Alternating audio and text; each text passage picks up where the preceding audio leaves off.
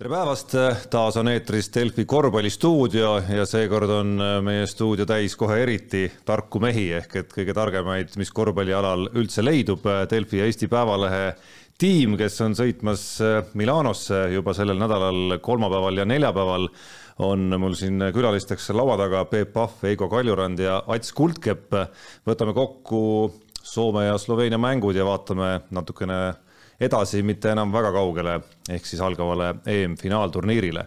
no meil ei ole mõtet ilmselt minna minna nüüd äh, Sloveenia ja Soome mängu kõikidesse nüanssidesse ja, ja selgelt see Soome mäng on meeles ka oluliselt värskemalt kui, kui neljapäevane Sloveenia kohtumine, aga aga püüaks need mängud võib-olla alustuseks äh, kuidagimoodi kokku võtta. ehk siis, siis kui heas või kui kehvas seisus me nende mängude järgi lõpuks oleme. Peep, kes on ikkagi treeneri paberitega, saab siin nüüd särada ei no mis sa siin särad, et ähm, ega siin väga selget pilti ju kokkuvõttes ikkagi saanud, et, et on, on päris palju murettekitavaid äh, detaile ja asju, mis ka mõnda mängijat puudutab, et tundub, et mõned mängijad ei olnud, ütleme, nendes kahes mängus kõige paremas vormis meie jaoks, väga olulised mängijad.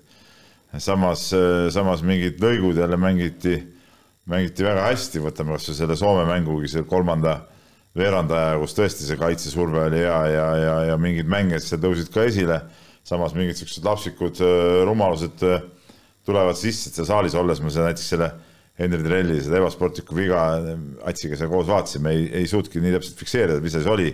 pärast telekast vaadates tundus, noh, et noh, milleks seda vaja üldse oli, siukest sihukest asja teha. ta ikka selgelt andis põhjuse kohtunikule. et äh, aga ma ütlen tervikuna, ütleme enam-vähem võib optimistlikult minna, sellepärast et ütleme, nendes üksikutes lõikudes me oleme näidanud, et, et koondis suudab mängida. et nüüd ongi see küsimus, et kuidas nende viimaste päevadega suudetakse viia mehed sellisesse seisu, et need üksikud head lõigud oleksid siis nagu valdavad, noh, see on, see on nüüd suur suur kunst, aga ütleme, mingi niisugune potentsiaal, positiivne potentsiaal on selles koosseisus olemas. ja no neid potentsiaali kohti oli ju veel kahe mängu peale, et eh, noh, ühest küljest on selge, et nii nagu kolmandal veerandajal me hoidsime Soome koondist, ei ole võimalik, nagu Gerg Riisa ütles sulle intervjuus ka, et ei ole võimalik nelikümmend minutit hoida Soomet sellise skoori peal, et seda, seda ei juhtu EM-finaalturniiril ühegi satsi vastu. ei, asi ei ole, point, point ei ole selles, et hoida kedagi sellise skoori peal. point on selles, et kuidas sa nagu mängid seda mängu, et kui sa ja seegi see, et lõpuks no kuskilt, ikka on vastased need korvid saavad ja, ja sa ise saad kuskilt neid korve. aga kui sa ikkagi pidevalt suudad seda survet peal hoida, noh, okei okay,, nelikümmend minutit roppu survet ei suudeta hoida, aga ütleme, niisugust tugevat survet nelikümmend minutit, noh, võiks ju siiski hoida no kui me positiivsete asjade juurde alustuseks ikkagi natukene veel jääme, läheme kasvõi Sloveenia mängu juurde, siis selle mängu eel oli ju jutuks päris palju, et, et kas me suudame ilma aukartuseta mängida selliste staaride vastu. Äh, esimene veerandaeg näitas väga selgelt, et, et suudame, suutsime ka mingil hetkel, kui see suur mõõn oli, oli üle elatud. Äh, et, et, et sealt, sealt, sealt nagu leiab mõlemast kohtumisest neid hetki küll või kuidas teile, Ats ja, ja Eigo tundub? no mõned kohad leiab, aga Sloveenia vastu oli, ma ütleks, ütleme kakskümmend minutit hea mäng eile siis tegelikult kümme, et äh, ma arvan, et esimesel, teisel veerandajal ja, ja neljandal ka, et Eesti mängis ütleme, natuke alla oma taseme. siis kokku tulebki niisugune ühtlane mass välja, et mida see miinus kaheksa ka väljendab, aga aga aukartust ei olnud, ma arvan, et seda me ei näe ka EM-il, et äh, miks peaks ja, ja ei ole nagu selle koondise stiil Pole minu arust, kui need äh, juunikuised mängud välja arvata, siis äh, me ei ole seda kogu Juka-Toiala perioodil näinud. aga ma tegelikult lõikan kohe Ats sulle vahele, sa ütlesid, et mängis alla oma taseme ja seal see miinus kaheksa välja näebki, ma arvan, et äh, natuke. Soome, Soome ongi meist natuke tugevam, et, et see on nagu selles suhtes, see on nagu loogiline, see miinus kaheksa skoor või miinus kümme, see on täitsa ju loogiline, selleks ei pea alla oma taseme mängima no ma ütlesin natuke alla oma tasemet, et kindlasti saab parandada, muidugi Soome saab ka parandada, vaid korvi pealt äh, mõned ütleme sisse visatavad viskad mööda, kolmesed mõlemal tiimil, eks ole, üsna kehv protsent, et et äh, eks ta, eks ta nii lõpuks välja tulebki, et ma oleks ka enne kohtumist ennustanud Soome mingit kuuepunktist võitu näiteks.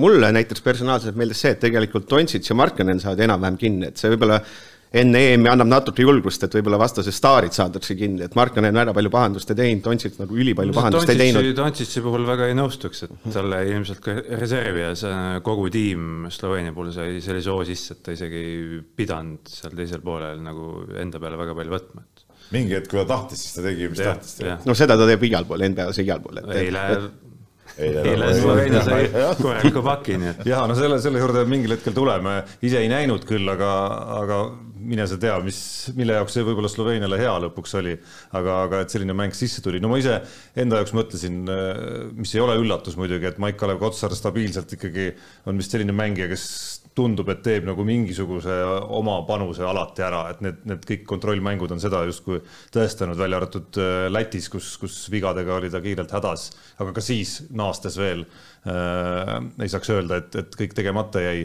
Äh, Gerg Riisa minu arust on ikkagi ma arvan, nii mõnegi jaoks üle ootuste hästi rünnaku poole peal mingid perioodid suutnud Eesti rünnakut vedada.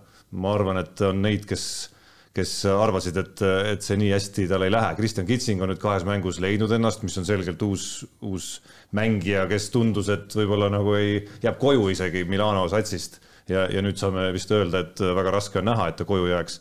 ja mis mulle personaalselt kuidagi hästi on head meelt teinud Henri Trell viimastes mängudes. ma arvan, et ka sellel positsioonil, kus, kus on Sander Raiest, Janar Jõesaar, Henri Trell, me vajame, et keegi tõuseks sealt võib-olla natukene selgemalt esile ja Trell on seda nagu teinud. no eile tõusid eh, nii Trell kui Jõesaar selgelt esile ja nad olid ka koos väljakul seal mingid hetked, kui, kui eh, just selle kaitse poole pealt eh, ja, ja Trell ka tuligi üles ikkagi tänu kaitsemängule, noh, et noh, see mõned korvid siit-sealt, no selle ikka saab saab äh, tehtud, aga just see kaitse poole pealt kasutama pikki käsi hästi ära ja ütleme, kogu see kolmik, mis sa mainisid, on ütleme kaitse poole pealt ikkagi nende mängust sõltub äh, väga palju noh. Ja, ja, ja mis mulle nagu eile äh, nagu ma ütleks meeldis, aga, aga ütleme, oli nagu hea minu arust, et et rohkem kasutati ikkagi sellist versiooni, kus meil ongi ikkagi ütleme, kas Kullamäe ja Kriisa on nagu ükshaaval väljakul, mitte mõlemad, sest et kui nad mõlemad väljakul on, siis ikka kipub see, see tagaliin jääma natuke kaitse poolest eh, pehmeks ja seal nagu ka paar korda nii ühest kui teisest mindi ikkagi mööda nagu, ma ei hakka praegu kordama seda, mis Ats ütles mängu ajal, aga, aga ütleme eh, no nagu, nagu väga lihtsalt. aga päris hea dilemma selles mõttes või halb dilemma, et, et jällegi rünnaku poole peal on, on kindlasti lihtsam, kui nad on mõlemad väljas. ei no jaa, aga no sa ei saa, noh jah, sa saad mingil hetkel eh, seda niimoodi rünnaku peale rõhuda, kui sul ikka kaitset ei ole, siis noh, me ikkagi nüüd üle nüüd ka vaat nüüd eh, viskame kõiki võistkondi, et me peame ikka vaatama, kuidas me kaitses ka hakkama saame. Mart, eilse mängu lõpus see, et Kullamäe Kriisa tuli tagasi kahekesi, ma arvan, et see oli õige, sest me olime, eks kaotusseisus, sellisel hetkel on pigem vaja no, siis, loota, loota rünnakule. ja, ja siis, eh, no seal prooviti Martin Torbekut ja asjad, aga Martin Torbek ka eksis seal paaris olukorras ja siis, siis ütleme, Toiala uuesti võttis, võttis selle tee, aga Eh, muidugi, kui sul on, kui sa lähed nagu mängu päästma juba, siis ja, see on, see on teine asi, see on, see on loogiline, kuigi seal saab eh, ka ju nagu me oleme palju näinud, et kaitses tuuakse ühed mehed, rünnakusse teised mehed, et, et noh, siin ütleme, Toiala niisugust, niisugust vahetuste virvarri väga ei, ei kasuta võib-olla, aga aga jah, et kui sul on tarvis punkte, siis muidugi panen mehed korraga sinna sisse. Kuulame korraks, mida Jukka Toialal ja Gerg Riisal oli öelda pärast eilset kohtumist ja, ja tuleme siis juba natukene negatiivsemate asjade juurde pallikaotus tuli, mis oli, aga, aga tegelikult me ei, me ei tulnud sellise energiaga mängule kaitses, et millega me saame hakkama sellist äh, Soome-sugust satsi vastu, et, et et teisel poolel me leidsime seda meie oma identiteeti kaitses, et rünnakuga ma ei jää rahule. Äh, tegelikult äh, terve mängus, et seal on palju asju, mis me saame teha paremini. meil on vaja distsipliini lööda, nagu me oleme ning, ning kaitse kui, kui, kui rünnakule, et täna, täna tegelikult ma ei jää üldse rahule Salini korvidega, kõik oli sellised korvid, mis me vaatasime videot, rääkisime läbi, jalutasime läbi, aga me eksisime kõigist tema kolm, kolme punkti viisas, kõik oli sellised, et, et sellised et noored harjuvad ja õpivad ma tean, et siin ei ole EM-il nii palju aega, et me vaatame videot, jalutame ja sellega peab õppima, et ei ole aega nagu viis trenni teha ja harjutada kõiki asju. et see, see on üks, üks teema kindlasti ja rünnakul peab vaatama, et saame palli natukene liikuma ka. no me peame aru saama, et kui me tahame kedagi võita, siis me ei saa pehmelt tulla välja. kolmas veerandajaks see juba ilmustas meie mängu, see oli meie mäng. Äh, me peame nii, nii mängima nagu kolmandal veerandajal, et me ei saa vahet pole, kellega mängime, võime Malta või ma ei tea, kellega mängida, aga me ei saa alustada nagu pehmelt, et äh, olgugi me olime seal mängus, aga see ei olnud nagu päris see, mida me tahaks, olgugi, et no pigem võtaks need võidu EM-il, noh. et ma ei taha nagu siin vabadusi otsida või midagi, aga nagu kui valida, siis pigem EM-il. oleme tagasi korvpallistuudios, Jukka Toiala ja Gerg Riisa on rääkinud ja ja ikkagi väga palju rõhku äh, nendes intervjuudes läks sellele et miks me esimesest veerandajast ei suutnud mängida sellist kaitset nagu, nagu kolmandal veerandajal, et, et seda ei saa väsimusega ju põhjendada, kui neljandal võib-olla saab. no see on lihtne vastus, see koosseis oligi teistsugune.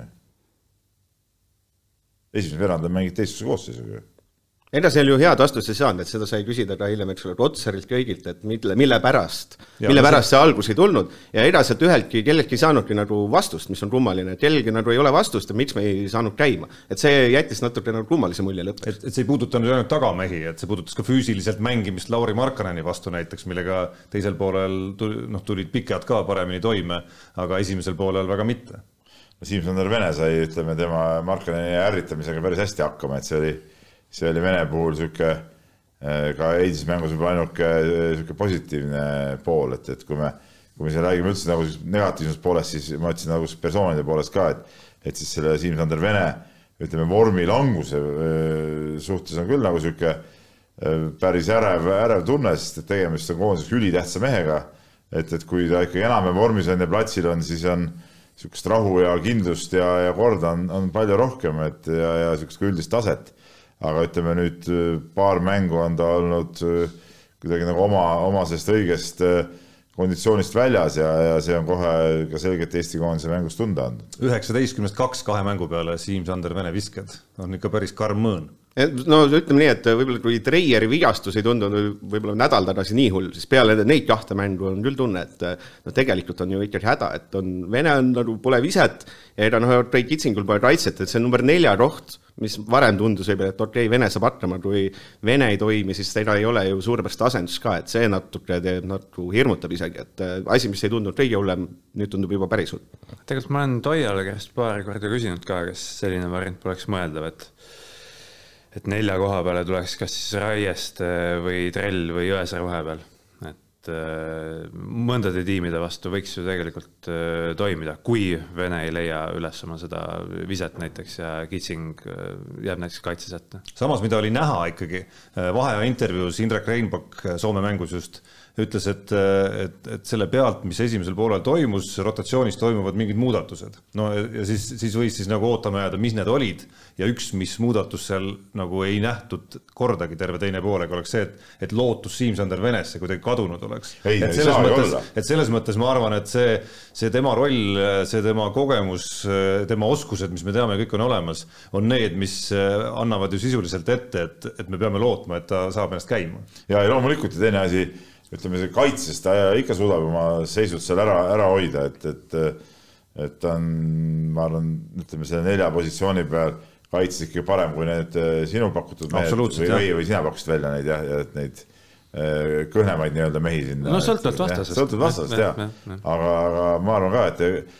et seda, et nüüd Vene kuskile pingisügavikku kukutatakse, seda, seda ei juhtu, eks ole, aga lihtsalt kõik ilmselt ootavad, loodaks seda, et ta leiaks oma selle enesekindluse ja, ja, ja tunde jälle tagasi. et see ei olnud ju ainult äh, visked, et seesama lauavõitluse teema, noh, mis oli terve meeskonna teema ja on alati terve meeskonna teema, et ma eile õhtul vaatasin üle sellesama kuue punkti rünnaku, mis seal siis nagu toimus. kahju oli sellest, et sealt äh, teleülekandest ei näe korralikult et kas Venele pärast lauapalli hankimist löödi nagu korralikult vastu käsi ka, kui pall lahti läks. küll, et löödi, eks ole. või, või käis see ikkagi nagu pigem enam-vähem nagu määruste piires, aga sellele järgnes ju olukord, kui, kui tuli veel vaba vise ja see vaba vise läks mööda, siis tegelikult äh, Vene lasi enda selja tagant pärast vaba viset äh, võtta Mikael Jandunenil ründelauapalli, et, et see, sealt hargnes siis selline kuue punkti rünnak, mis lõpuks kaheksa punktise vahega lõppenud kohtumises tagantjärele oli, oli nagu üks päris otsustav, et kas me alustame seda kolmanda veeranda tagaajamist ümmarguselt kümne pealt või ümmarguselt viie-nelja pealt, on päris suur vahe.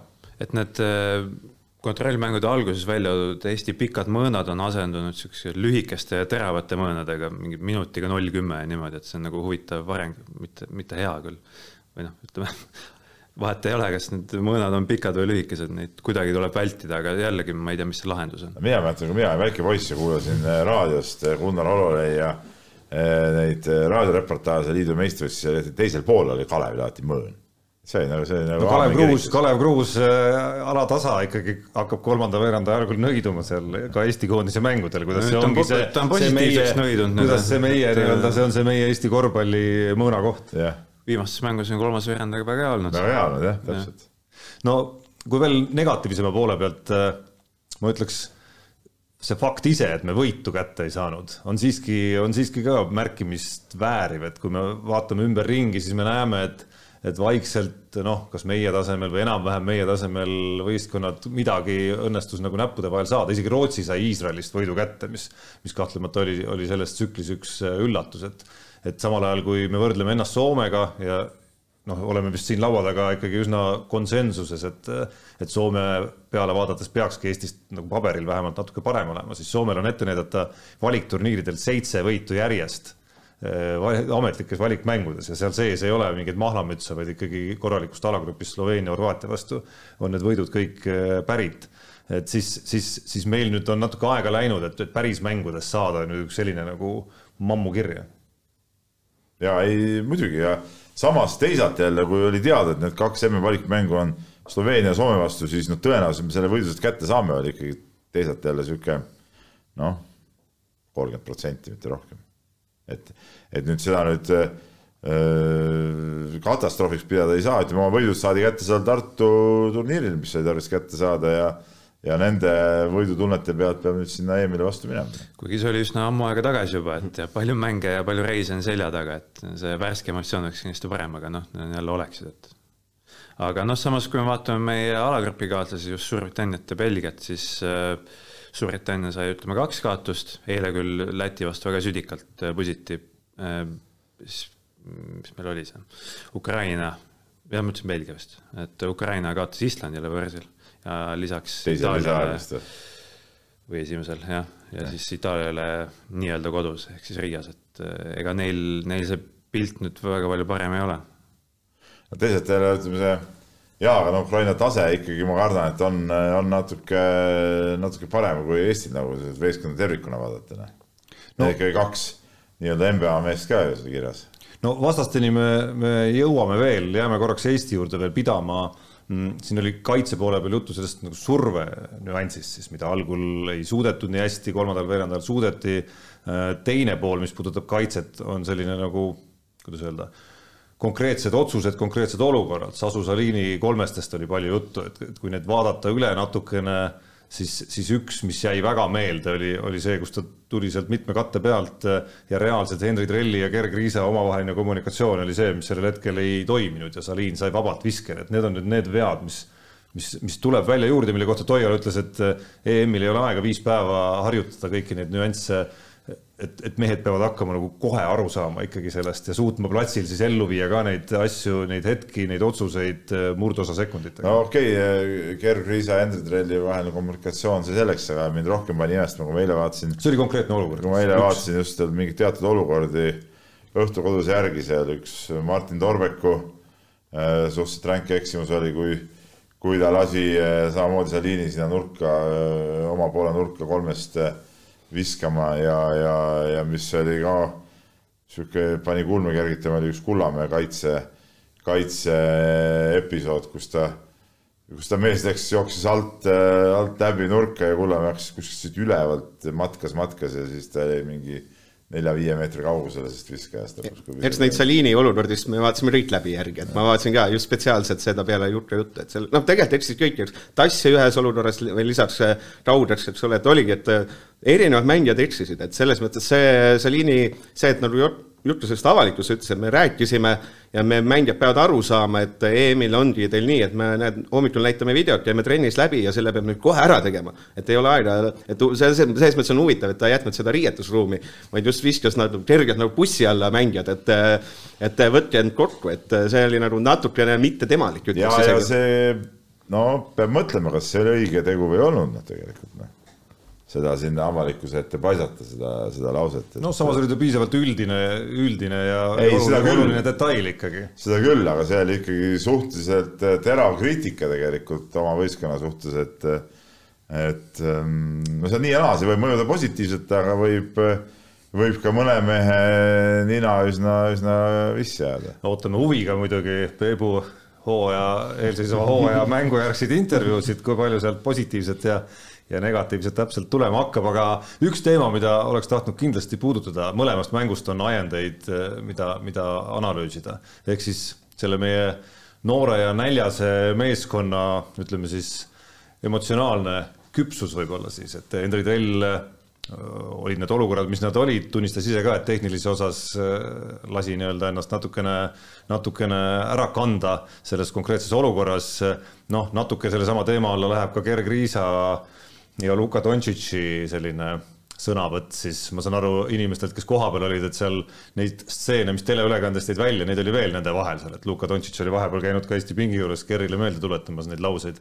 et, et, et needsamad olukorrad, et kas, kui Kerri olukorrast alustada ja, ja sellest Sloveenia mängust, kas oli mõistlik mõte mängu nii varajases faasis äh, sekkuda maailma top viis korvpalluri tegemistesse ja, ja ta nii-öelda ikkagi natukene, ma arvan, äh, sütitada. ei no küsimus ei ole selles, et maailma top viis või, või top kümme, eks ole, et, et äh, publikule kindlasti meeldib, kui show'd, show'd tehakse ja see kõik on tore ja, ja mingites olukordades kindlasti väga-väga õige vastast närvi ajada. kas seda peab tegema nii mängu alguses no ma päris eh, seda ma ei, ei arva, et, et võib-olla, võib-olla see tundus nagu liialt sihuke eh, kunstlik või välja kistud, eks ole, et see peab natuke loomulikumas eh, olukorras tekkima, aga aga ei, no kokkuvõttes Dontšitsit see närvi ajas ja ja, ja, ja kindlasti mingil hetkel natuke tema mängu mõjutas, et et seda oli ka omamoodi huvitav vaadata no eks see ongi, et Riisa poleks Riisa, kui ta seda ei teeks, eks ole, et noh, vahest mängu algus on ka juba esimeste minutite, ta kütab ennast üles näiteks kaitses, et lähme, let's go, let's ja, go. et see, et see on nagu selles mõttes, et kui ta nägi, et see Dontsits hakkab seal juba kohe jaurama, jaurama kohtunikele ja siis teda ajas närvi, siis teda ajaski närvi ja ta läheb ütlema, et see on mingi riisa, et sa ei saa öelda, et, et ah, kas peab esimesel poolel, kas hiljem, ega sa ei ole see koht, kus sa mõtled, see on ikkagi see koht, nagu sa tehnilisi võtad, sa, ma arvan, oled võtnud esimesel poolel. ei, miks, ma ei võtadki meelega tehnilisi, see on ju loogiline, mõtledki, et kurat, et võtaks ära nüüd selle no,. see võib-olla, noh, sa ei suuda väljakul nii taktikaliselt nüüd äh, strateegiat teha, kuidas on mõistlik, mis hetkel ja kuhu olukorda sekkuda, et võib-olla kui, kui sa näed, et Luka Dontšitš on kohtunikega ikkagi mingid ma, nii-öelda maid jagamas. et võib-olla on hea lasta sellel tema ja kohtunike konfliktil seal küpseda nagu rahulikult. et, et vaadata, kuhu see siis, kuhu see siis välja viib ja, ja äkki hakkab see ise juba, juba vastaste mängu kuidagimoodi sööma. no aga samas kui oli võimalus mõjutada, siis miks mitte, et võib-olla hiljem, hiljem poleks seda võimalust enam tekkida, tekkinud, et Eesti oli sel hetkel ees. Venel oli kolm vaba viset tulemas miks, miks mitte hagu anda? ei no kokkuvõttes see psühholoogiline mõjutamine ja rünnak, see on nagu oma olemuselt on ju mängu üks äh, selge osa, et ega siin ei ole selles suhtes ei ole nagu, nagu midagi, midagi ütelda kui sellest äh, emotsionaalsusest veel rääkida ja minna mängulisemate asjade juurde, meil on noor meeskond ja, ja, ja, ja mingites liinides veel väga noor, seesama tagapaar Kullamäe, Kriisa on, ma loodan, oma karjääriredelil ikkagi sellises faasis, kust, kust nad astuvad veel päris mitu sammu üles ja, ja ühel hetkel on meil koondis, kus nad, kus, kus seesama tagapaar on niimoodi, et neil on pagasis hooajad äh, väga kõvades klubides äh, väga korralike näitajatega. aga mida me mängulises vaates praegu näeme, on see, et, et me ründame üsna kiiresti ja, ja on näha, et roheline tuli on antud ka visata väga kiiresti. mulle tundus, et, et kohati isegi käib see asi juba nagu liiga kiiresti, et, et, et nii head viskajad me ka ei ole, et me, et me peaksimegi tulema üle ja, ja väga kiiresti kohe selle kolmese koha leidma, kui, kui tundub, et see sentimeeter ruumi on olemas. teine, teine asi on see, et ega seda kohta ei pruugi enam tullagi, noh. et, et sa pead ikka ära kasutama oma, oma võimalused ju ja et äh, tänapäeva korvpall, et selles mõttes on, ma arvan, klubides mängivad samamoodi, et kui sul ikkagi pool meetrit tekib, siis sa pane, et seal ei ole ju vahet. küll aga eilses mängus hakkas silma, kus äh, äh, võeti mõned kolmesed kus nagu ei olnudki seda ruumi või, või ütleme, see ei olnud nagu loogiline. et ma ütlen, ma väga pooldan seda, kui, kui võetakse kiired visked, mis on noh, loogiliselt välja mängitud, on normaalne koht, paneme kolmandal sekundil peale, no milles, milles küsimus, eks ole aga, aga. no sa... ma ei mõtle välja mängitud kohti, vaid see, sa tuled ise palliga üle, kaks sammu kolmese joone taha ja läheb see vise teele. no palju meil siukseid olukordi on olnud? no eile ikka paar-kolm-neli tükki oli. no Kriisa no. võib-olla kaks korda tegi, aga see ongi tema mäng, et äh, samamoodi need Kriisa andis vist kaks väga uljast söötu, vist üks läks otse meie nina eest äh, out'i, eks ole. et, et samas, kui hakata teda väga piirama, siis võib selle negatiivne efekt tulla nagu tema puhul. ja ei, seda küll, seda küll, aga üldiselt ma ütlen veel kord, et et kui on need siuksed noh, poolkiired, kiired rünnakud, otsitakse sealt kohe, noh, see on üldine teada, ega need olukorrad ei teki juhuslikult ju, seal on ju teada, kes kuhu jookseb, mismoodi, see võimalus tekib, sööt läheb, tuleb panna, tuleb panna kohe, aga, aga, aga seal Soomega mängus oligi see, et paar korda olid siuksed visked, kus, kus mehed olid, olid peal ja need visked olid nagu natuke siuksed nagu suvalised nagu, et, et, et neid, neid viskeid ma küll ei, ei, ei, ei pooldaks, kusjuures rünnaku aega nagu oli veel, et need ei olnud nagu nii vajalikud visked, seda tuli nii Kullamäe poolt, kui tuli ka seal üks Kriisa vise oli sihuke sihuke imelik, et, et, et neid siukseid, siukseid viske võib-olla ei peaks tegema. ja no see, selle sama sellise mängulise liigse emotsiooni alla vist lähevad needsamad paar olukorda, mida sa mainisid siin, see, üks selja tagant sööt ja Raieste seal ühes kiires läks lahendama ikkagi sellise tõeliselt tomahoogiga seda, seda kiirrünnakut, selle asemel, et nagu Rauno Pehka ütles ülekandes, kindlalt vanamehe kaks punkti ära võtta sealt. Kindlalt vanamehe kaks punkti tegi Jõesaar pärast, see, see oli õige ja, ja nii ongi, ei ole vaja kätt kukla peale panna ega ma ei tea, kuskilt jalga pealt palli läbi lasta, aga Äh, mis ma tahan selle emotsionaalsuse poole pealt ütelda, mis tegelikult võib-olla isegi olulisem detail on, ütleme, kõik mõtlevad, emotsionaalsus on see, et, et noh, ma olin näpud püsti ja fa-fa, eks ole. aga äh, ma ei hakka nimesid praegu nimetama, aga eile mul hakkas silma mõne mehe äh, emotsionaalne võib-olla sihuke kokkukukkumine hoopis, et, et kui mäng võib-olla väga hästi välja ei tulnud, siis see pilk oli sihuke nagu, kuidas ma ütlen, sihuke nagu unelev või, või, või noh, ei olnud nagu asjas sees, et, et et vot, vot see on nüüd see emotsionaalsus, mis mille tugevust nagu noored mehed peavad äh, kõvasti harjutama.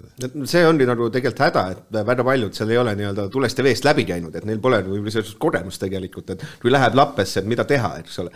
et see on, mina arvan, noh, sellepärast ma kardangi kõige rohkem EM-il tegelikult Itaalia mängu ja tegelikult kuidas see, kuidas need mehed käima lähevad, et see on tegelikult on juba igas mängus on küsimus, see on ka juba EM-il küsimus, et tegelikult see verinoore võistkonna puhul jah, need asjad võivad olla nagu see emotsionaalsus võib olla hea, aga tegelikult see võib ikkagi ka väga pärssima hakata, kui asjad ikka ei lappe, noh, ei lähe hästi et see tuleb vanusega natuke õppida siis seda emotsiooni kasutama õiges kohas, heas mõttes ja siis taltsutama teises kohas äh, niimoodi, et sa hoiad ennast vaos. aga samas ma selle fikseerin ära ära, et no Toial ütles ka, et distsipliin kaob ära, et see on nagu, et äh, teed omi hull asju, eks ole, teed, äh, lähed natuke uljaks, lähed, eks ole, aga see distsipliin kaob näiteks kaitses ära, mingi tehakse mingi, üritatakse mingi uljad vahelt lõikeid teha, mingid rotatsioonid lähevad sassi. see on nagu suurem probleem minu meelest isegi, et see ole see, tuled üle, paned üle käe kolm, okei okay,, midagi hullu ei ole, nagu sa hakkad seal näiteks kaitses mingi, et okei okay,, ma lähen nüüd, see asi võib-olla natuke natuke kaitses häirib, et asjad pole korras kõigil meestel. kusjuures, kas te nägite Kristjan Kullamäe intervjuud ETV spordisaatele?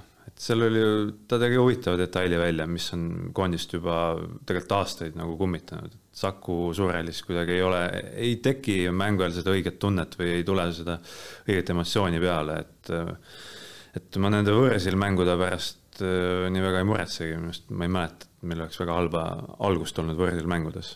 võib-olla see mullis Venemaa vastu, aga, aga noh, see, seda mängu Eestil ei olnud ka otseselt vaja võita oluline oli järgmise päeva mäng Makedooniaga, aga aga millegipärast jah, see on väga huvitav fenomen, et rääkides kodu, koduväljaku eelisest Eestil, Eesti ei suuda seda absoluutselt ära kasutada. ja ka esimeses ringis Saksamaad võitsime võõrsil, okei okay,, Poolat kodus, aga võõrsil mängisime ka ikkagi sellise mängu, kus võit oli, võit oli peaaegu käes. mulle Kullamäe intervjuust jäi hoopis teise, teine lause meelde, mille ma endale saate jaoks ka üles kirjutasime, ta rääkis seal sellest, kuidas Äh, on näha nüüd mängude ametlikeks minnes, et meid skauditakse väga korralikult ja meil hakkab ühel hetkel korvide viskamisega raske.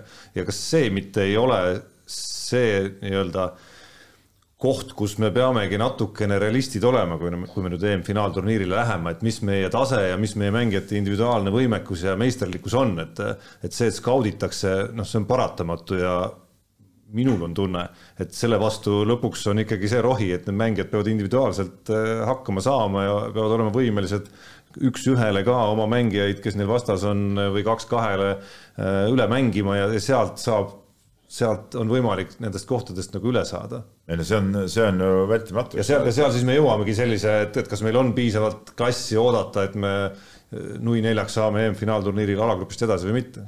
ja, ja no see on, see on nagu selge, et kui kui ütleme, need meeskondliku mängu äh, asjad ära lõigatakse sul küljest, eks ole, siis peabki, lõpuks ongi see individuaalne meisterlikkus. just tagaliinil eriti. just, just tagaliinil jah, aga, aga, aga noh, eks vastastel on seal kaitsemehed ka päris, päris kobedad ja eks see muidugi see finaalturniiri mängimine on midagi muud, isegi võrreldes selle nende emme valikmängudega võrreldes on midagi muud, et, et, et seal hakkavad mängima hoopis teised, teised detailid, et et kindlasti on noortel jah, nagu Ats või kes ta ütles, et see esimene Itaalia mäng on, on nagu väga raske, et see, see tulebki väga raske, et no üks asi see, mängid kodu, kodumeeskonnaga, et vaimselt raske esimest korda siuksel, siuksel võistlusel kogu see, kogu see muu asiotaaž seal ümberringi, eks ole, ja siis pead oma parimat niisugust individuaalset meisterlikkust näitama, et ega seda ei ole nagu lihtne kuskilt tagatasust välja tõmmata. et seal on väga lihtne kokku kukkuda. üks huvitav küsimus, vist homme, kui ma õigesti aru saan, peaks saabuma lõplik vastus selle osas, kes on need kaksteist, kes kes siis Eesti koondise särgis EM-finaalturniirile lähevad. kas see kaksteist, kes mängis või mängis, kes oli üles antud, oleme korrektsed, Soome mänguks, kus siis Gregor Hermet oli välja vahetanud võrreldes Sloveenia mänguga Rauno Nurgeri, on teie meelest see kaksteist või või võiks peatreeneritel ilmselt siis selle, sellesama, sellesama kahe vahel olla veel päris elavaid arutelusid? Ma arvan, et neil on need arutelud millegipärast, sest äh, see, et Hermet ei saanud eile kordagi platsile, eks see näitab ka midagi samamoodi Nurger oli null minutit Sloveenias. ma isiklikult läheks kahe pikaga, Kotsari ja Tassiga kahe tsentriga, siis tähendab. ja et seal tegelikult ju noh, tegelikult prooviti seda Tadžik-torni Läti vastu, et kui olid Tass ja Kotsar korraga ja noh, sellisel juhul, eks ole, oli Tadžik-torne mängitatud, see oleks Nurger loogiline, aga Läti vastu olid asjad olid nii lappes kahe Tadžik-tornidega, et ma tahtlen, et seda enam proovitakse, et ma no, olen tänu sellele ma arvan ka, et tegelikult Hermet on vist nagu loogilisem valik lõpuks. no see on nagu sihuke kahe otsaga asi tegelikult, et ega Hermet ja Kitsing oma olemuselt on ikkagi ju natuke, natuke sarnased mängijad, et, et et kas kahte sellist mängijat otseselt on jälle tarvis koosseisus, et et pigem arvestades turniiri pikkust ja arvestades seda, et noh, ma ei tea, äkki saadakse edasi ka, mis seal kõik vastu olla. mina omakorda eelistaksin kolme keskmängiga minekut okay,. no eks see sõltub ka sellest, kui kindlad eh, treenerid Kristjan Kitsingus on. küsimus on jah selles, et Kitsing ju teate, on siin mingites mängudes ka tsentri koha peal mänginud, onju. aga noh, seda on nagu väga hästi ikkagi kokkuvõttes sobinud, et nüüd ta on nagu ikka nihkunud jälle oma positsioonile tagasi ja, ja seal tulevad asjad paremini välja. no minu jaoks tundub see põhiargument, miks, miks, miks Hermeti kasuks otsustada, et see, see teeb sul nagu kaks ja pool keskmängijat justkui meeskonda, et sa saad hädavajadusel, eriti kui vastaste keskmängijad ei ole väga suured ja tugevad, et siis sa saad kitsingut ka kasutada sinna, mis iganes, ma ei tea, vigadega on eh, emal-kummal põhipikal probleeme. Aga, aga Nurger tuleb, on sul kolm keskmängijat, mitte kaks ja pool ja, ja aga noh, Hermeti olemasolu äh, on jälle teistpidi, võiks olla kasulik olukorras, kus sul on vaja mingit käiku ka positsioonidel neli-kolm näiteks, et minu arust Hermet on nüüd natukene kevadega ikkagi oma mängijatüübilt äh, liikunud Kristjan Kitsingust lahku ikkagi sellega, et ta füüsiline vorm on läinud paremaks, et ta on teravamaks, plahvatuslikumaks muutunud. et, et nad ei ole enam nagu copy-paste. no seda kolme peal proovitud ja ta on siin mitmes mängus kolme peal ka mänginud, aga ütleme vähemalt seni. no seal on raske näha, kui meil trellid Raiest ja Jõesaared.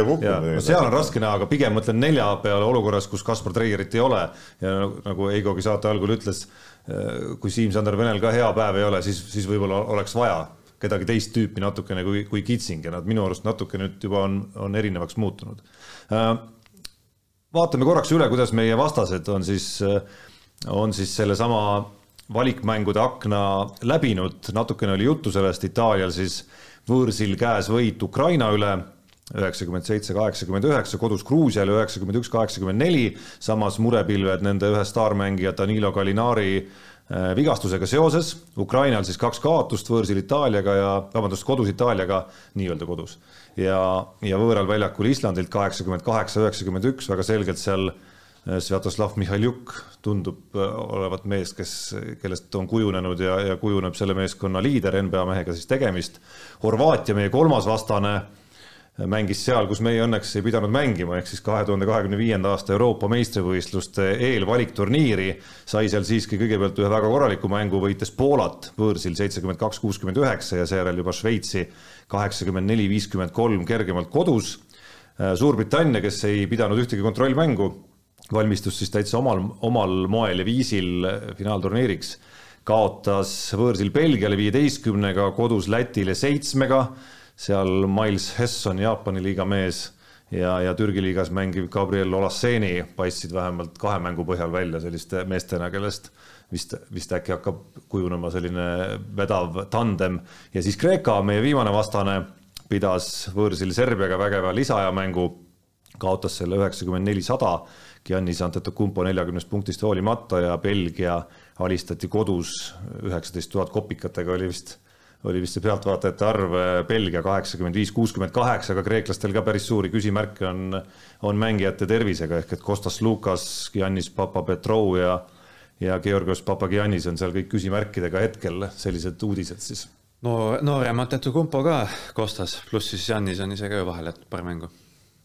põlv ja selg on vist tal liiga teinud aga et mitte rääkida ainult Eestiga seonduvast, räägime natukene ka Euroopa meistrivõistluste finaalturniiri suurest pildist. tundub justkui kõigi aegade üks vägevamaid finaalturniire, vaadates, vaadates seda, kui palju on NBA mehi koha, kohal, kui palju on sellist tõelist staarijõudu praegu, kuidas, kuidas see, et eurooplased just nimelt hoolitsevad ka NBA sellise staari aura eest, Luka Dontšitšid ja, ja Nikola Jokitšid ja, ja Giannis Antetokounmpod on ikkagi NBA mõistes ka ikkagi staaride staarid ja kõik on nad finaalturniiril kohal, siis, siis ootus tundub mulle isegi Euroopast väljaspool päris korralik selle finaalturniiri ümber. aga me läheneme siis nendele tippude tegemistele seeläbi, et, et koduse ülesandena on ju Peep kui sa nii ütled. panime kõik paika iseenda isikliku top viie kenasti järjekorda ka ja vaatame siis läbi, kui palju need erinevad ja kui palju need on samasugused. no alustame vasakust käest, kohal number viis, Ats. kui, kui sealt pihta hakata, siis vaatab sul vastu, kes? Saksamaa. Saksamaa. see on üllatus? ma kahtlustan, et võib-olla ainus Saksamaa mainimine siin meie ringis, vähemalt keegi, keegi aktiivselt kätt ei tõsta, pean tunnistama, et ise kaalusin ka päris kõvasti. natukene võib-olla eilse Sloveenia võidu tuules ja see isegi ei tulnud aga... puhtalt, puhtalt selle pealt, et äh, minu arust on tegemist EM ühe parema kaitsetiimiga, isegi pärast arvukaid vigastusi. Neil on, ütleme, võib-olla kõige paremad kaitsemängijad isegi Audis. Pluss äh, väike boonus ka kodupubliku eest, et äh, ja siis see ülejäänud seltskond, kes selle suure neliku taga on, keegi ei tundunud nii ahvatlev kui Saksamaa millegipärast. et kusjuures oli, tuli meedia esindajatele mingi küsitlus ka meili teel Eurobasketi kohta ja ma panin Tõnis Schröderi suuremaks punktitoojaks EM-il, see oli küll enne tema vigastuse probleeme veel, aga, aga tundub, et ta on üle saanud sellest. ma pean tunnistama, et ma oleks tahtnud Saksamaad väga panna viiendaks tänu kodupublikule ja natuke sellele võidule ka, aga aga kuidagi see koosseis tundub nii habras pärast viiendat-kuuendat mängumeest, see, see rotatsioon läheb ja see tase kukub seal päris korralikult tänu sellele, et et Saksamaal on üks esinduslikumaid puudujate nimekirju ka, kes, kes, kes ühelgi satsil ette on näidata, aga Heigo. Ma, et ma vaatasin lihtsalt, võiks olla must hobune, ma, ma ei tea, kas ma päriselt panen seda viiendaks, ma mõtlesin, panen natuke debiilsema, ma, mulle meeldib, ma olen NBA fänn, mulle meeldib, et äh, Türgi, kolm NBA meest, äh, Osman, Korkmaz, Sengun, tagaliinis Larkin ja siis ülejäänud udud, et kui nad alagrupist edasi lähevad, väike rotatsioon, et sealt tulevad kaks meest pingilt, et miks mitte, et ma tegelikult nagu juppidena sobib hästi kokku, korvialune on nagu kõige õudsem üldse võib-olla EM-il, aga mul see talumine osa kõik meeldib, et see, kui see tiim läheb kuumaks, siis ma usun, et need võivad paugutada, sest tegelikult need Korkmazid, Osmanid, need on ikka ulmevennad. see päev, kui türklased siin. ma tean, et nad on kõik pähe saanud. külal äh, siin käisid riias tukkusid see päev, et sa ei. ei, ma tean, et nad on äh, viimased kaks vatsi suured pähe saanud, aga mulle, mulle, mul, minu meelest on selline täpselt selline tiim, mis võib nagu kuumaks minna ja tegelikult kuskil ruhamängudes tegema hakata. ja kuigi Atamanilt ei ole ühtegi lubadust veel, veel kostunud, isegi tema ei julge veel bravuuritseda, aga, aga see võib tulla muidugi, kui EM-il asjad hästi hakkavad minema, mis on, mis on muidugi väärib mainimist, et, et mina isiklikult oma viie puhul ei vaadanud seda, kuidas turniiri tabelid kokku jooksevad. et, et, et lihtsalt tugevuse järgi sai pandud, Türgi tegelikult asub väga soodsas, soodsas alagrupis ja soodsas tabeli pooles, et, et piisab võita, võimalik, et piisab võita Hispaaniat alagrupis ja sa oled alagrupi esimene ja sealt see teekond poolfinaali on, on üsna, üsna selline noh, lihtsakoelisem siiski. no Peep, kas jäid Leedu juurde? ei. ei jäänud natuke siin äh, nuppasin, kuna mul oli kodune ülesanne tegemata, eks ma siin saate alguses teada, sihuke ülesanne oli. siis ma siin äh, kiirelt lasin veel ka meie jutumise käigus peast läbi, et ma siis pakun viiendaks äh, Kreekat. ahaa, see tekitab küsimuse, kes seal eespool veel on? eespool on head võistkonnad jah et no Kreeka minul on neljas, ma võin no, öelda. ja et, et eriti sa, sa just siin ennist mainisid ka neid vigastusi ja probleeme ja ja ma kardan, et ikka liiga ühe, ühe mehe keskseks võib see asi seal jääda, et, et tal on ümberringi küll väga head mängijad, väga head mängijad ja väga head tagamängijad, kui, kus Lukas saab kaasa mängida näiteks kõik nagu tipp-topp, aga, aga ma kardan, et selle ühe mehe aura äh, lihtsalt nagu tapab selle, selle kogu selle võistkonna ära seal. mina, mul on Reiko Tõrgemäe teine, et mina usun, et Giannis on, mida ta Barsiga on teinud NBA-s, see on täpselt see, et sul on vennad, kes äh, kaugelt viskavad sisse, ta ikkagi võib üksi tassida.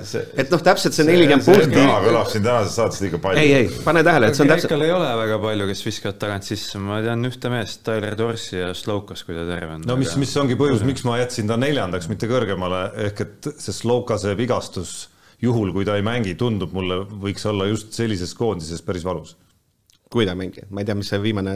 no hetkel vist ei ole veel La. väga täpselt teada ei ole, ma täpselt peast ei tea, mis päeval need asjad lukku lüüakse, aga ega siin väga palju aega enam jäänud ei ole.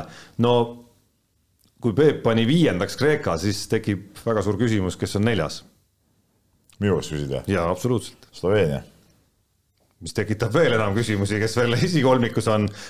mina võin öelda, Sloveenia on minul esimene, ma ei tea, kus teil. mul on ka esimene. ei no ma saan aru, et ta on nagu suur soosik. Heigo, sinul? ma panekski esimeseks. ja ei, ma, ei, ma mõistan teid, muidugi ta võib olla suur soosik, aga, aga põhimõtteliselt sama, sama jutt, mis Kreeka suhtes, et, et okei okay,, seal on nagu kaks niisugust eh, gigavenda.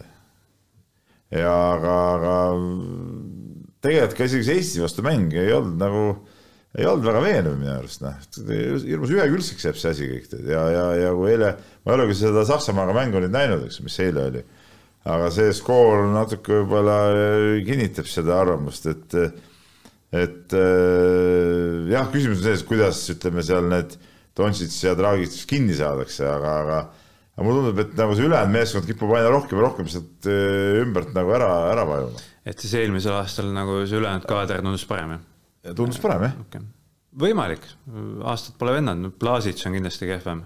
Äh, Prepelits on minu arust. Äh, kuidagi nagu täitsa ära vajunud. kuigi neil ei ole kellelgi personaalses plaanis kehva hooaega all. ei, ma ei mõtle klubis, ma mõtlen praegu. et selles mõttes see, ei tohi, ei tohiks sealt, sealt äh, justkui nagu mingit ärakukkumist olla, et tänu Goran Dragicile peaks justkui nagu olema ikkagi mingi pluss juures et mis oli ka põhjus, miks mina ikkagi tohutu suure kaalumisega mõtlesin, et panen nad esimeseks, et üks korv jäi puudu neil olümpiafinaalist. aga mu pakkumine ei tähenda, et ma ei oleks äh, Sloveenia poolt äh, eelkõige just, mulle meeldiks niisugune ilus niisugune vendade nagu lugu ja see kõik oleks nagu, nagu, nagu tore. teisalt jälle, kui sama võistkond teist korda ka võidaks EM-i, oleks selles mõttes ebahuvitav jälle. Dontšits ei näe füüsiliselt kõige parem välja. ta natuke. parem välja kui olümpial, ausalt öeldes. mitte palju parem ma just, mulle tundus just nagu selline, et ta ei teadnud. ikkagi see, ka see tihe turniir ikkagi võib olla nagu probleemiks nagu. ja, aga eelmisel aastal oli see probleem veel suurem olümpial, et siis oli neil olümpia valikturniir ka veel all, et selles mõttes on nagu, on ikkagi leebem, leebem see olukord nende jaoks. aga kui, kui Peebu lõi Sloveenia neljas, siis, siis keda teil neljandalt kohalt leiab? mul on Serbia. mul on ka Serbia. kelle mina panin teiseks ma ei saa öelda, kuhu ma panin. ei no ütle ära, siis Aa. me saame Serbia jutud ära rääkida. okei okay,, mina panen Serbia esimeseks. selge, ma, ma pean tunnistama, et ma kaalusin väga tugevalt seda ja ainult ühel põhjusel jätsin Serbia teiseks ja see on kahtlus, kui hästi Svetislav Pesic, selline tõeline nii-öelda ütleme, mitte lihtsalt vana kool, vaid sellest veel vanem kool ikkagi nüüd sellise plejaadiga hakkama saab, see on ainus põhjus, et ma arvan, et koosseisu mõttes, vaadates, kui täielikud äh, need meeskonnad on, on see tegelikult parim meeskond. minu arust see on ka väga-väga hästi, väga hästi paigas meeskond, noh, et, et ja, ja ma Pestitsi suhtes, kuigi ta ei ole minu äh, lemmiktreener, eriti pärast seda, mis ta kunagi Jassikevituse kohta ütles, siis ma tema nagu võimetes äh, ikkagi veel ka ei, ei kahtle tegelikult no okei okay,, hakkame pihta, mis mulle Serbia puhul ei meeldi, nii äh,. Mitsic pole päris terve, pole ühtegi head mängu minu arust teinud sellel suvel. kui on terve, siis võib, seda peab turniiri jooksul vaatama, aga noh, enne turniiri on niisugune mulje. nii, Jokic, noh, teeb oma asjad ära äh,. kuigi jällegi, ma ei ole absoluutselt Jokic'i fänn Äh, ma olen alati tema vastu panustanud play-off ides alates mingist faasist, et tema kaitsega ei ole võimalik võita. mingist fännlusest praegu ju. no või austada, mis iganes, nii ja, ja ma arvan, et Euroopas tema kaitse pole nii suur probleem, aga see ütleme, et top nelja faasis, ma arvan, et talle ikka tehaksegi individuaalselt piisavalt palju ära. aga ülejäänud, ma ei tea, mis täielikust satsist te räägite Serbia meeskond koos, no see meeskond ise on ikkagi ju hea, seal on lülid on ju paigas, ühtlane meeskond, ega seal ei peagi olema nii palju neid staare. ei, ma ei räägi staaridest. aga lihtsalt. no Kuduric no., Kuduric on seal, seal on Kalinic. väga ebastabiilne. kõik sellise, selline liin seal. ülikvaliteetne mängija. Kalinic kaitses on okei okay.. no ongi. Luutsis, no okei okay,, ta on okei okay., aga ma ei tea.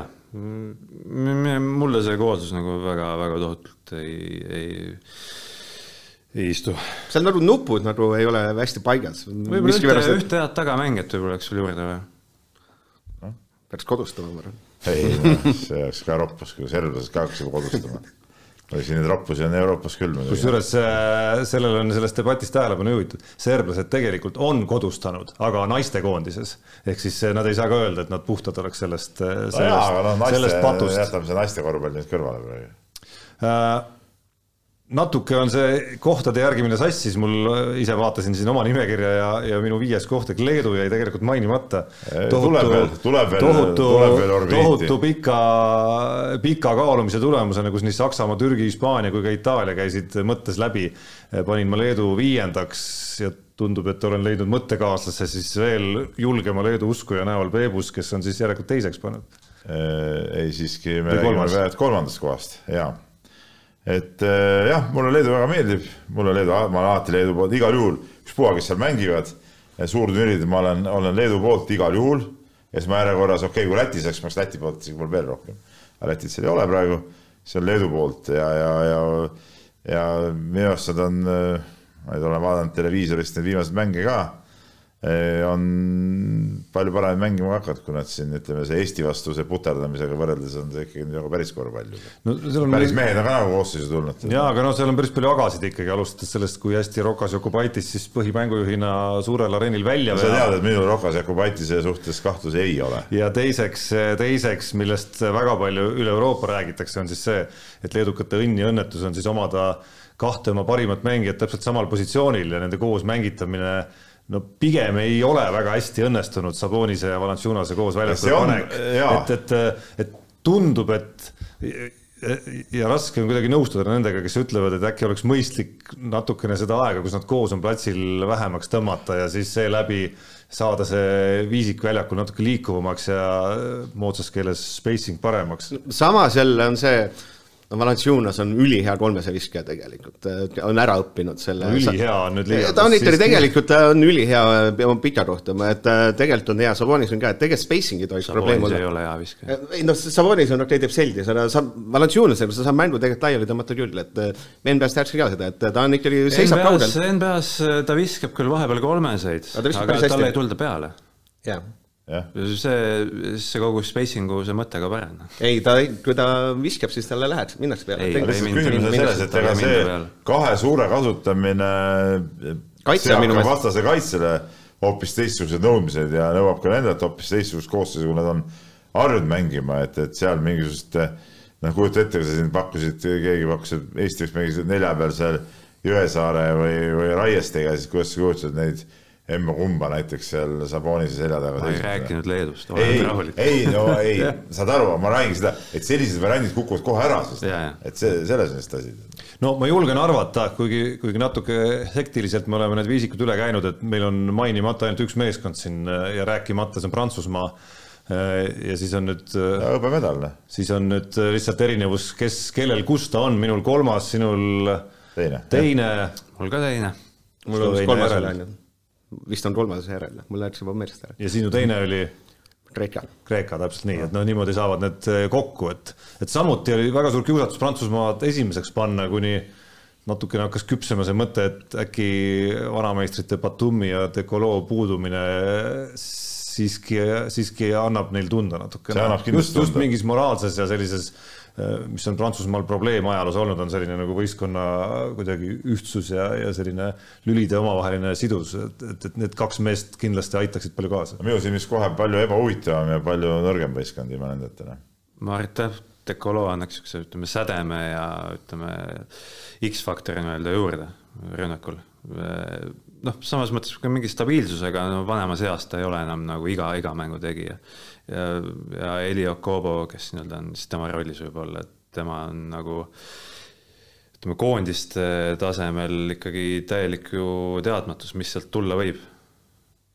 et äh, aga ma arvan, et nemad peaksid olema siis ütleme, kõige parem ja kõige kindlam kaitsetiim. see on nende, nende suurim trump ja sellepärast ma arvan, et ka teiseks panin. ja, et füüsiline kaitseline pluss Gobert keskel, et selles mõttes ta on, et, et noh, rünnak on jah suur mure Prantsusmaa kohal, et äh, sellega nad kas põlevad või võidavad, et kui nad selle käima saavad, et ma arvan, ta on selline, see on esiviisikus võib-olla kõige suurema sellise, et võib nagu pumm üleval olla, võibki olla siin kuskil madalal. selles mõttes on. aga jääme põnevusega ootama, kui, kui vaadata kõiki neid ennustusi, kõiki neid sarnaseid pingiridasid, mida siin pannakse, siis, siis kõik jõuavad selle järelduseni, et, et nii raske ei ole seda äh, seda, seda tipuosa just paika panna, noh, ei saa öelda, kas kunagi olnud, aga ikkagi, et väga raskelt on see tulnud ja ja siin suuremad küsitlused, mis tehtud on, siis need punktivahed, mis seal tekivad, noh, on sisuliselt sellised, et, et vähemalt see esinelik äh, Leedu siis võib-olla välja jättes, kuigi ühes Basketnewsi rankingus ka Leedu oli selles viisikus sees üsna tihedate punktivahedega, on, on ikkagi nagu väga ühel pulgal. Äh, põnev EM on ees ootamas, me loodame väga, et Eesti koondis kõik, mis läks veel halvasti nendes valikmängudes, teeb paremini juba EM-finaalturniiril, nagu ütles ka Gerg Riisa äh, mängujärgses intervjuus siis eile, et parem ongi, kui need võidud seal tulevad. Ats ja Eigo juba siis, äh, parandage, kui ma eksin, ülehomme. kolmapäeva ja, hommikul. ja Peep teele. päev hiljem on teel Milanosse kõike seda kajastama ja meie korvpallistuudiod loomulikult ka kõikide Eesti mängude järel on tulekul. nii et head finaalturniiri meiega koos ja kohtumiseni